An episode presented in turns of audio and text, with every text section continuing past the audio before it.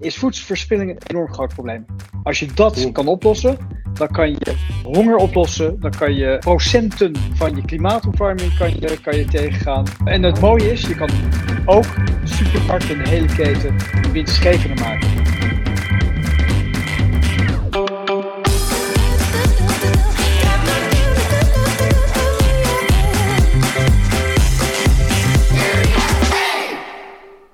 Mijn naam is Dirk Mulder, sectorbanker Trade and Retail bij ING. In deze podcast bel ik met ondernemers om te praten over hun bedrijf, ontwikkelingen in de sector en de uitdagingen die zij ervaren. Doel van deze podcast is om andere ondernemers te inspireren. Vandaag ga ik in gesprek met Rolf de Vries en David Kat van Wasteless. Bij Wasteless helpen ze supermarkten en online supermarkten om de volledige waarde van hun bederfelijke producten terug te kunnen winnen en voedselverspilling tegen te gaan met behulp van dynamische prijsbepaling op basis van AI. Benieuwd? Ik zou zeggen, luister deze podcast. Ik praat hierin met Ralf en David over de huidige uitdagende markt, het managen van voedselverspilling en voedselveiligheid, AI en dynamisch prijzen.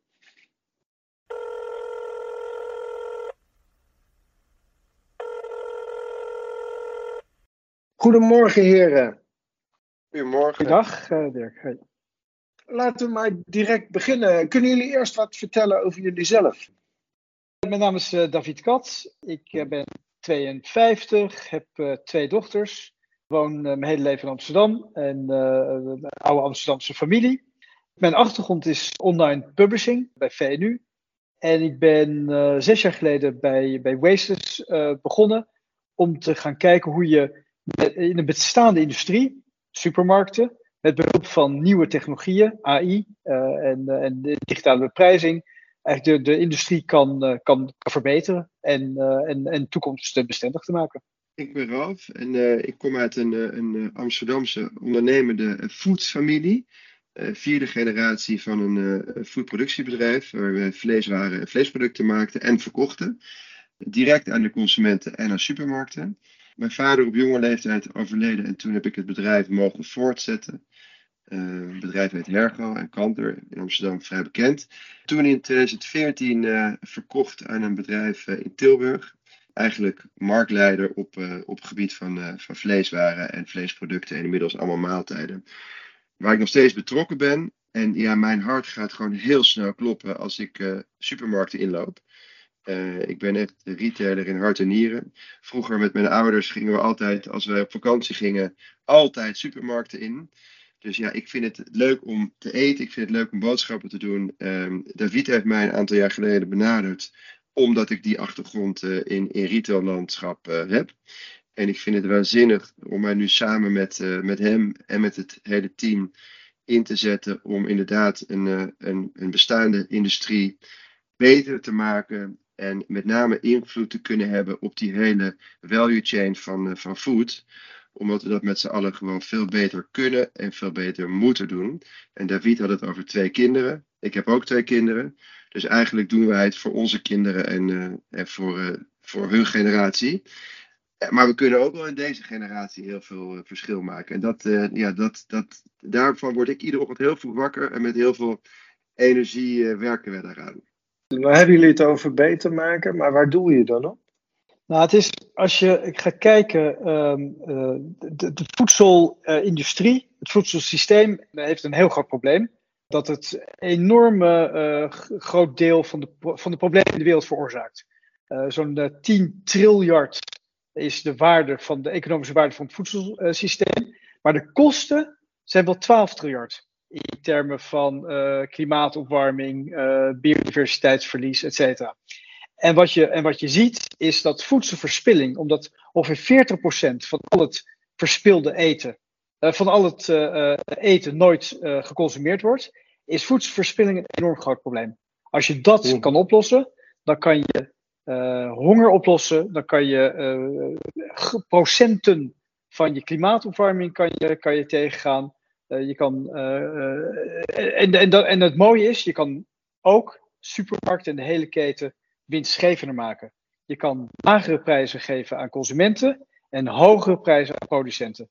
Omdat de 40% voedselverspilling in het systeem, die betalen wij, de consument. En die betaalt de producent. En als je, die, als je dat kan oplossen, dan heb je een, nou, dat is een mes dat aan heel veel kanten snijdt. Hoe doen jullie dat dan? Wij kijken op, bij iedere supermarkt eigenlijk naar de data en hoe wij daar met onze technologie het verschil kunnen maken. Wasteless realiseert een omzetstijging van minstens 20% door de prijzen te optimaliseren en consumenten te stimuleren om producten te kopen die anders verloren zouden gaan. Ze controleren de vraag door middel van slim te prijzen. En dat op basis van data. Maar hoe doen ze dat dan? Je had het net over bederfelijke waar. Uh, ik zou het liever mm hebben over vers. Vers is natuurlijk het hart van een supermarkt. Vers is waar, waar, waar, waar, je binnenkomt. En als je in een supermarkt komt en je ziet uh, vers uh, groente, vers uh, ready-made meals, vers vlees, dan weet de supermarkt er heel veel over. En die weet veel over wat de voorraden zijn. In aantallen. Mm ja. Maar wat ze niet weten, waar ze geen inzicht in hebben, is wat de versheid is van die voorraad. En als jij tien biefstukken in het schap hebt liggen met een houdbaarheid van morgen, dan heb je overmorgen helemaal niks meer. Wat wij kijken is wat is nou de risico dat een bepaalde houdbaarheidsdatum gaat derven op het schap. En welke prijselasticiteit moeten we gaan aanspreken om de consument te verleiden een klein beetje minder versheid te accepteren voor een klein beetje lagere prijs. Voedselverspilling in supermarkten kost 4, misschien wel 5% van de omzet. En wij kunnen daarvan 50, 60, misschien wel 70 procent voorkomen. En dan kan je dus voedsel dat je op dit moment, perfect voedsel, dat je op dit moment heel zwaar moet afprijzen. Of dat je in een surprisebox moet gooien. Of dat je aan de voedselbank moet, moet geven. Of dat je verbrandt. Dat eten kan je verkopen. En daar zit een enorme margewinst. Daar zit een enorme verbetering van de efficiëntie, de doelmatigheid van het systeem. En daar zit een kans om uh, jouw klanten 5, 6, 7, 8 procent lagere prijzen te bieden voor dezelfde producten met lange houdbaarheid. En die luchtdirk, die betalen wij. Dat is mhm. belangrijk om te weten. De, de voedselverspilling van supermarkten zit gewoon verdisconteerd in de prijs. En als we, dat, als, we die, als we die eruit persen, is dat goed voor de supermarkt, die hogere marge en hogere omzet maakt. Is dat goed voor de klant, die lagere prijspunten krijgt. En dat is beter ook voor de producent die eerlijkere prijzen kan, eh, kan, eh, daarvoor kan ontvangen. Los van de kennis die je creëert, kijk, het inzicht in de keten wat we geven, dus ook omdat dus de producenten uiteindelijk mee gaan kijken, want in de eerste fase doen we vaak een hele lichte integratie. In die tweede fase betrekken wij de, de producenten erbij om namelijk de slimme barcode te gebruiken waar de, de houdbaarheid in zit. En er is natuurlijk heel, bij de, vanuit de producent, en ik kan dat zeggen vanuit ervaring, is het natuurlijk vaak een soort black box wat er in die winkel gebeurt. En uiteindelijk, wat je wil, is partnership in die hele keten. Albert Heijn als marktleider in Nederland, die heeft echt waanzinnige partnerships met heel veel vaste leveranciers. En daar is heel veel data waarop ze die, door die hele keten kunnen inkijken. Wij gunnen eigenlijk alle producenten dit. En als je dat goed, goed samen gaat doen en je gaat op de juiste manier investeren en de juiste manier samenwerken, is er in die hele keten nog zoveel waarde te creëren. Dat klinkt heel mooi. Uh, en ik ben er ook van overtuigd dat dat zo is. Alleen als ik nu merk hoe ja, de verhoudingen in de foodwereld op dit moment zijn, hè, tussen supermarkten en leveranciers, dan krijg je de indruk dat dat er niet één is van samenwerken. Hoe, hoe krijg je ze dan toch samen in dit programma? Kijk, weet je wat er is? En nogmaals, uh, uh, ik praat natuurlijk ook als producent. Je hebt natuurlijk sowieso heb je aanmerk en private label. Hè? En mhm. dat, is een, dat zijn twee werelden. Aanmerken zijn heel belangrijk voor de folders van de supermarkten. En private label is er om onderscheid te maken in die supermarkt. Om ieder supermarkt een eigen gezicht te geven. Met uh, aanmerken creëer je niet echt primaire klanten. Is het vaak die tertiaire klant die iedere week ergens anders de cola of de Ariel ergens goedkoper houdt. Maar wij zitten natuurlijk in het hart van die supermarkt. Jouw achtergrond is vers. Wij zitten natuurlijk vol in die versmarkt. Ik kan vanuit ervaring zeggen dat het samenwerken vanuit leverancier en supermarkt heel goed gaat. Je kan het niet als producent alleen. En je kan het ook niet als supermarkt alleen. Je moet dat samen doen. Iedere keer, nu is, er, is het kerst, komt carpaccio natuurlijk, enorme piek. Um, of of eh, garnalen, of de, de, de, de typische kerstproducten. Dat kan een supermarkt en een leverancier moeten dat samen doen. Dus ik heb heel veel vertrouwen in dat supermarkten en producenten, private label producenten, dat heel goed samen kunnen doen. Want hoe kan ik dat als consument dan zien als ik door de supermarkt heen loop, uh, jullie systeem? Nou, als jij zometeen naar jouw uh, supermarkt gaat uh, en je hebt een ontzettend leuk gesprek gehad, je denkt van vanavond heb ik geen zin om te koken, ik ga een quinoa salade eten. dan liggen daar, liggen daar heel veel quinoa salades en er ligt er eentje met een houdbaarheid van morgen. En er ligt er eentje van houdbaarheid van over vier dagen. Maar je gaat hem vanavond eten.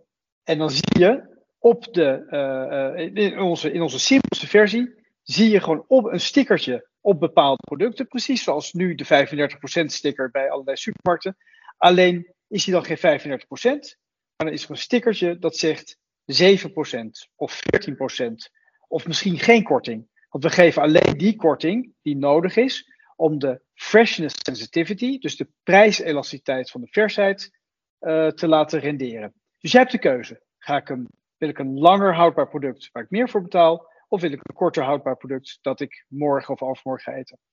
In eerste instantie doen we dat met, met, met, met, met uh, gewoon met stickers.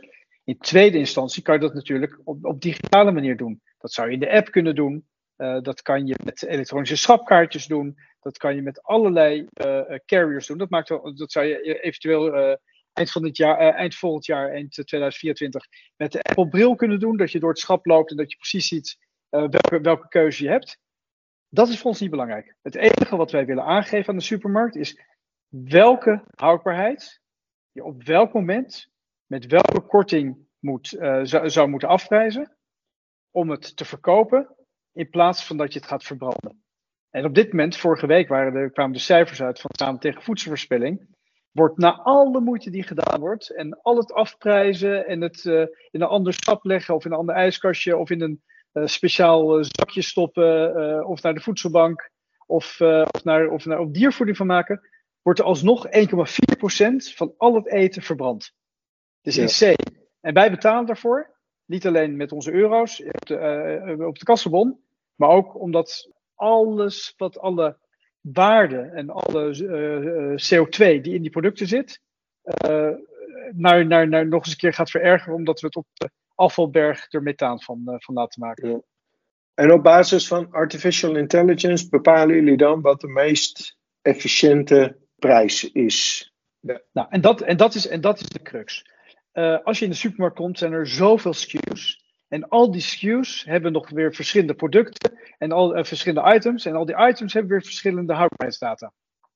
En mhm. al die producten gaan concurrentie met elkaar aan. Want je gaat niet uh, uh, een kipfilet en een slavink eten op één avond.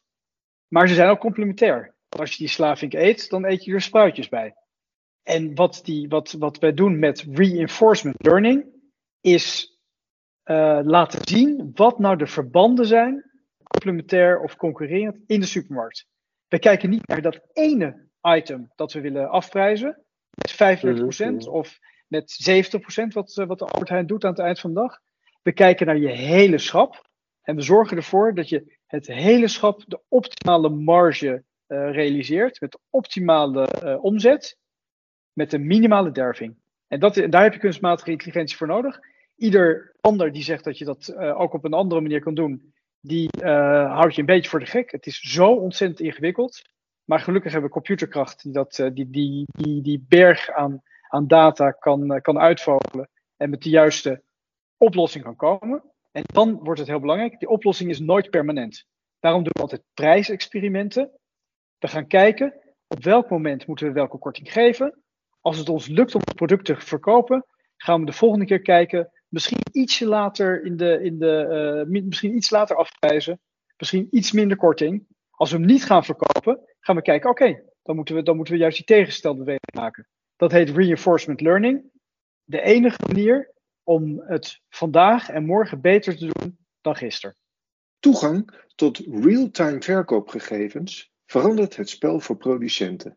gedetailleerde inzichten in trends in winkelgedrag, effectievere marketingcampagnes en verbetering van de duurzame merkperceptie om daarmee de winstgevendheid in de detailhandel te vergroten.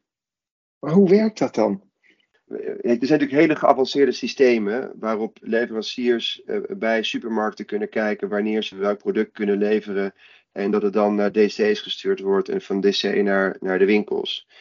Je wilt natuurlijk ook wel weten, wat zijn de ideale versheid, wat zijn de ideale houdbaarheid, wat is het ideale prijspunt, wat is het ideale sortiment, uh, wanneer moet je welk assortiment hebben, welk, uh, is het barbecue weer of is het uh, stampot weer. Ja, weet je, nu, al dat soort data, die, die houden wij bij. En wij weten, kijk, als jij nu een supermarkt inloopt hè, en je pakt letterlijk dat zak sla, dan kijk je toch een beetje vaak naar de langste houdbaarheid. Eh, of als je een pak ja. of een biefstuk. ja. ja. Eerlijk gezegd wel, ja. Ja, terwijl, terwijl op het moment dat jij um, uh, een houdbaarheid hebt van, van vijf dagen op kaas, en het is vandaag donderdag, en heel vaak komt, komt, uh, komt uh, whatever, je vrienden langs en ga je tosti's maken het weekend. Heb je dan een pak kaas nodig wat houdbaar is tot, tot de vrijdag daarna? Nee. Mm. Maar dat heeft wel dezelfde waarde. Het, het, het, nu is het alleen andere waarde als het de laatste dag is. Want dan gaan we nog proberen mhm. te verkopen. Maar met ons systeem kan het zo zijn dat die price engine gaat bepalen, naar aanleiding van uh, bepaalde omstandigheden en voorraad, dat we soms drie, vier dagen van tevoren al een, een, een prijsprikkel aan jou geven, een kleine korting, waarop jij toch bereid bent om dat product met vier dagen houdbaarheid te kopen. Nou, dat soort keuzes en dat soort data achteraf, ja, die kan je natuurlijk delen in die hele keten. En die is heel, heel, heel waardevol, letterlijk. Uh, dan hebben jullie het in je propositie niet alleen over voedselverspilling, maar ook over voedselveiligheid. Hoe zie ik dat terugkomen? Voedselveiligheid is eigenlijk is een, is een gevolg op het moment dat je ervoor gaat zorgen dat, uh, dat je uh, veel meer weet van, van een verpakking, of wat er in de verpakking zit, kan je uh, een hele hoop andere toepassingen mogelijk maken. Dan kan je mensen, dan kan je de consument advies geven op basis van, de van wat er waarschijnlijk in zijn ijskast ligt, met loyalty card data. Maar dan kan je ook, uh, als je de, de, de, de, de nieuwe barcodes van GS1 gebruikt, zoals bijvoorbeeld een 2D-barcode, dan, kan je, dan weet je ook precies welke producten waar liggen. Dat ver, vereenvoudigt je recalls enorm. Dat vereenvoudigt je transparantie, je traceability. Uh, dus wij zijn eigenlijk een manier om een supermarkt veel winstgevender te maken. En die data die we daarmee uh, ontsluiten, kan op heel veel plekken uh, geëxporteerd worden. En voedselveiligheid is er daar, is er daar zeker, zeker één van. Even heel simpel. De barcode is op ieder pakje, ieder SKU eigenlijk hetzelfde. Uh-huh. Wij uh, uh, ambiëren en wij stimuleren om een barcode te gaan gebruiken waar een houdbaarheid in zit. Dus nu gaat er, zeg maar zeggen, een, een collie naar een winkel en het schap wordt volgelegd. Maar je ziet niet welke houdbaarheid er over de kassa gaat. Eh, door middel van onze, uh, onze technologie, waarin wij zeggen, we hebben drie, drie punten nodig, namelijk eigenlijk iets van ESL's, een barcode en een integratie met een kassasysteem.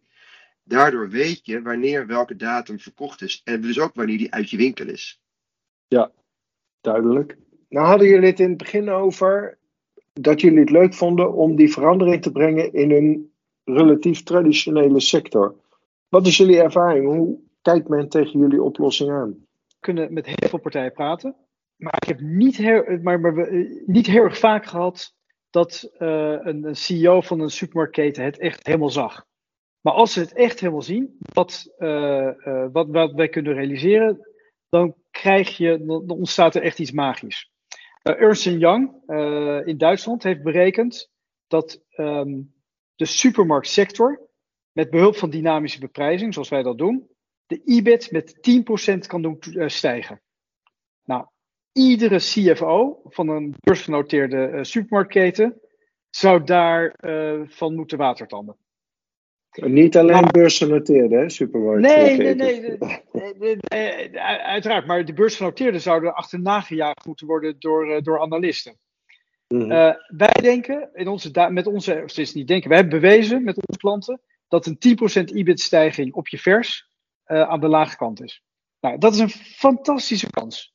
En daarmee kan je dus uh, met, een, met, met innovatie ook gewoon de, de, de kernwaarde van, uh, van je klant, van, de, van de retailer, verbeteren.